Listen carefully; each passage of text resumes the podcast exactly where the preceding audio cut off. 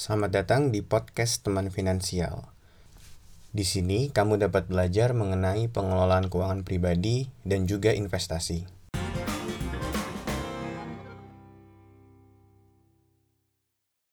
Halo semuanya, ketemu lagi sama aku di podcast Teman Finansial.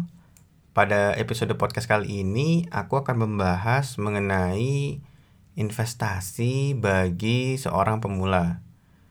Mungkin buat kamu yang baru mau memulai investasi, kemudian kamu menanyakan hal ini ke teman kamu atau mungkin kamu searching di Google, banyak banget keluar instrumen-instrumen investasi yang disarankan untuk pemula. Namun dari saran-saran tersebut, kadang aku lihat ada beberapa yang menurut aku tuh nggak pas. Misalkan kalau kamu nanya ke teman kamu atau kamu searching di Google, tiba-tiba keluar investasi untuk pemula adalah saham which is menurut aku itu salah banget gitu ya. Karena saham buat aku itu nggak cocok buat investor yang masih memulai investasi. Karena harganya sangat fluktuatif banget. Dan untuk investor pemula hal tadi di mana harganya bisa bergerak sangat ekstrim gitu ya naik turun itu sangat nggak cocok. Karena mereka belum terbiasa dengan bergerakan harga yang naik turun tadi. Karena biasanya buat pemula yang ada di mindsetnya adalah mereka takut sekali untuk rugi. Jadi kebanyakan pemula itu ketika memulai investasi itu pasti mereka takut banget buat rugi. Jadi kalau misalkan mulainya langsung terjun ke saham, menurut aku sangat gak cocok. Nah, terus investasi apa yang cocok kira-kira buat pemula? Nah, buat aku investasi yang paling cocok untuk dilakukan untuk investor pemula adalah instrumen investasi yang risikonya lumayan rendah. Jadi pergerakan naik turun dari harga instrumen investasinya itu jangan terlalu ekstrim seperti saham tadi. Atau bahkan kalau bisa harganya tidak bergerak naik turun. Nah, di podcast episode kali ini aku akan kasih ke kamu beberapa instrumen investasi yang masuk ke dalam kategori tadi, di mana risikonya lumayan rendah atau bahkan harganya juga tidak bergerak naik turun. Investasi pertama yang aku sarankan adalah deposito. Deposito ini mungkin salah satu instrumen investasi yang paling familiar buat kamu ya jadi karena ini adalah produk bank, biasanya ketika kamu ke kantor cabang di bank, itu kamu pasti nemuin produk deposito ini. Jadi deposito ini sendiri adalah suatu produk di mana kita menyimpan atau melakukan deposit sejumlah uang di mana uang tadi disimpan oleh bank pada jangka waktu tertentu di mana selama jangka waktu tersebut kita tidak bisa mengambil uang yang kita sudah setorkan tadi. Sebagai gantinya, kita akan mendapatkan bunga atau bagi hasil dari uang yang kita depositkan tadi ke bank, di mana bank sendiri akan mengambil keuntungan dengan meminjamkan uang yang kita depositkan tadi. Nah, deposito ini menurut aku adalah salah satu instrumen investasi yang paling cocok untuk investor pemula. Karena selain harganya juga nggak akan bergerak naik turun, di mana skema atau mekanismenya adalah kita menyimpan uang dalam jangka waktu tertentu di mana sebagai keuntungannya kita mendapatkan bunga atau bagi hasil dari deposito tadi.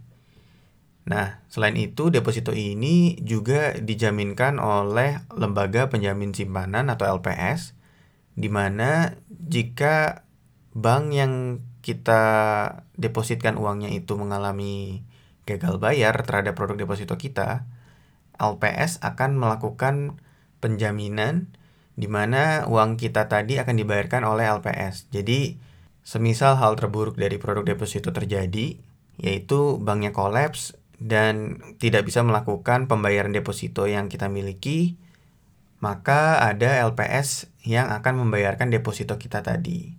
Walaupun LPS sendiri menetapkan besaran maksimum dari produk deposito yang akan dibayarkan yaitu sebesar 2 miliar rupiah.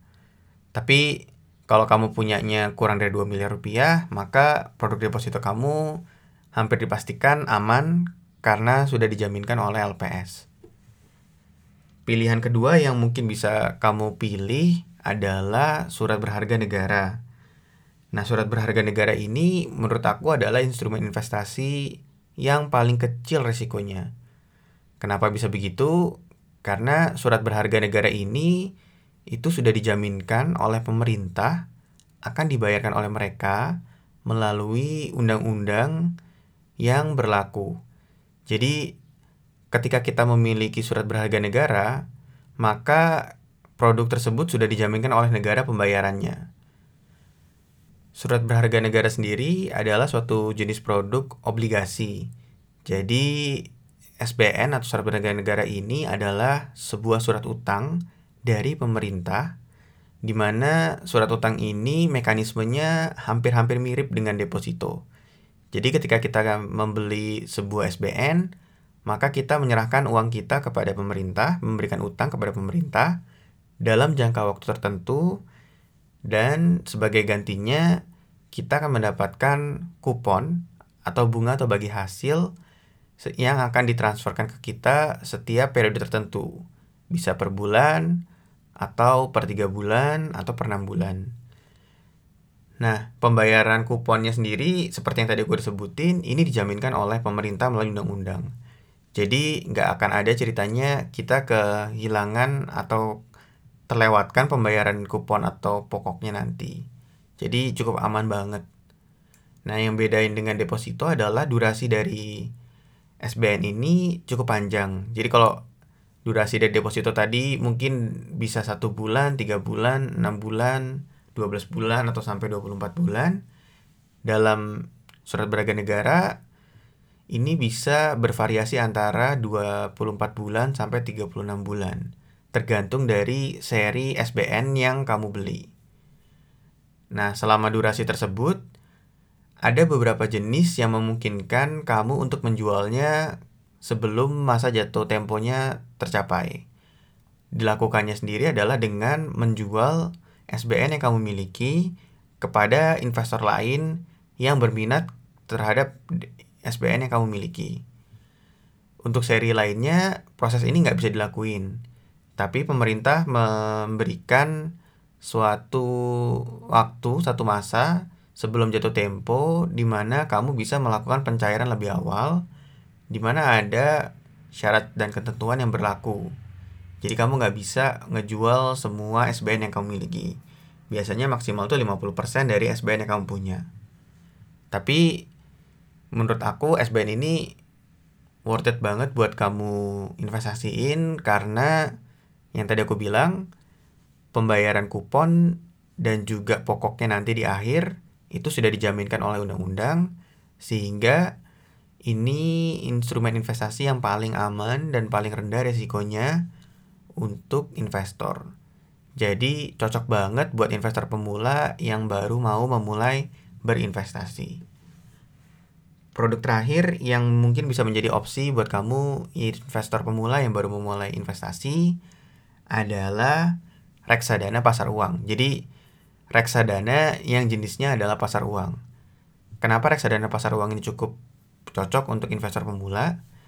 Karena produk investasi dari reksadana pasar uang ini adalah produk-produk pasar uang atau bahasa simpelnya kalau yang kamu paham gitu adalah Salah satu contohnya mungkin adalah deposito. Ada juga obligasi jangka pendek, di mana di reksadana pasar uang, manajer investasinya tidak memutarkan uang yang mereka miliki ke dalam instrumen investasi yang beresiko. Pasar uang sendiri, produk-produknya ini itu beda dengan saham misalkan yang di mana harganya itu bisa bergerak naik turun. Untuk produk-produk pasar uang ini produknya sendiri itu nggak bisa diperjualbelikan dan harganya tidak bergerak naik turun. Jadi biasanya ketika dibeli itu akan disimpan sampai masa jatuh temponya.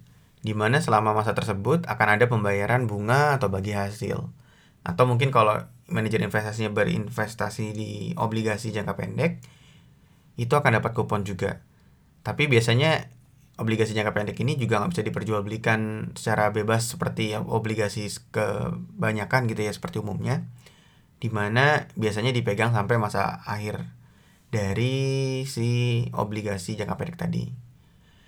Sehingga ketika kita lihat grafik harga dari reksadana pasar uang, itu nggak ada naik turunnya.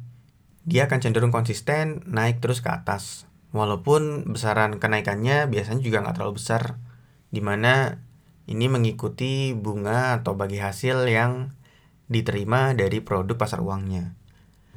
Karena alasan tadi, menurut aku reksadana pasar uang juga cocok banget buat kamu investor pemula yang baru mau mulai berinvestasi. Karena potensi kamu mengalami kerugian itu kecil banget. Dan kalaupun misalkan ada penurunan harga, biasanya nggak terlalu besar dan dia sifatnya sangat temporary karena reksadana pasar uang harga dari reksadananya sendiri akan cenderung konstan naik. Nah, tadi ada tiga instrumen investasi yang kamu bisa pertimbangkan terutama buat kamu investor pemula yang baru mau mulai pengalaman kamu berinvestasi. Ketiga instrumen investasi tadi menurut aku cocok banget karena resikonya cukup rendah sehingga kamu bisa belajar berinvestasi tanpa kamu mengalami trauma, kerugian yang mungkin bisa kamu dapatkan jika kamu memilih instrumen investasi yang resikonya lebih tinggi. Semoga apa yang aku jelasin di podcast episode kali ini bisa membantu kamu dalam memilih instrumen investasi yang akan kamu investasikan. Terima kasih banyak udah nonton podcast teman finansial pada episode kali ini.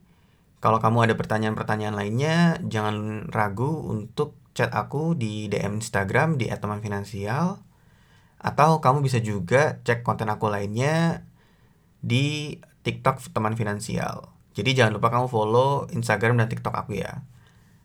Kalau kamu pengen belajar lebih detail lagi, aku udah post video-video tentang pengelolaan keuangan pribadi dan juga investasi di YouTube channel aku. Jadi jangan lupa juga untuk subscribe YouTube channel Teman Finansial. Sampai ketemu di podcast-podcast episode selanjutnya.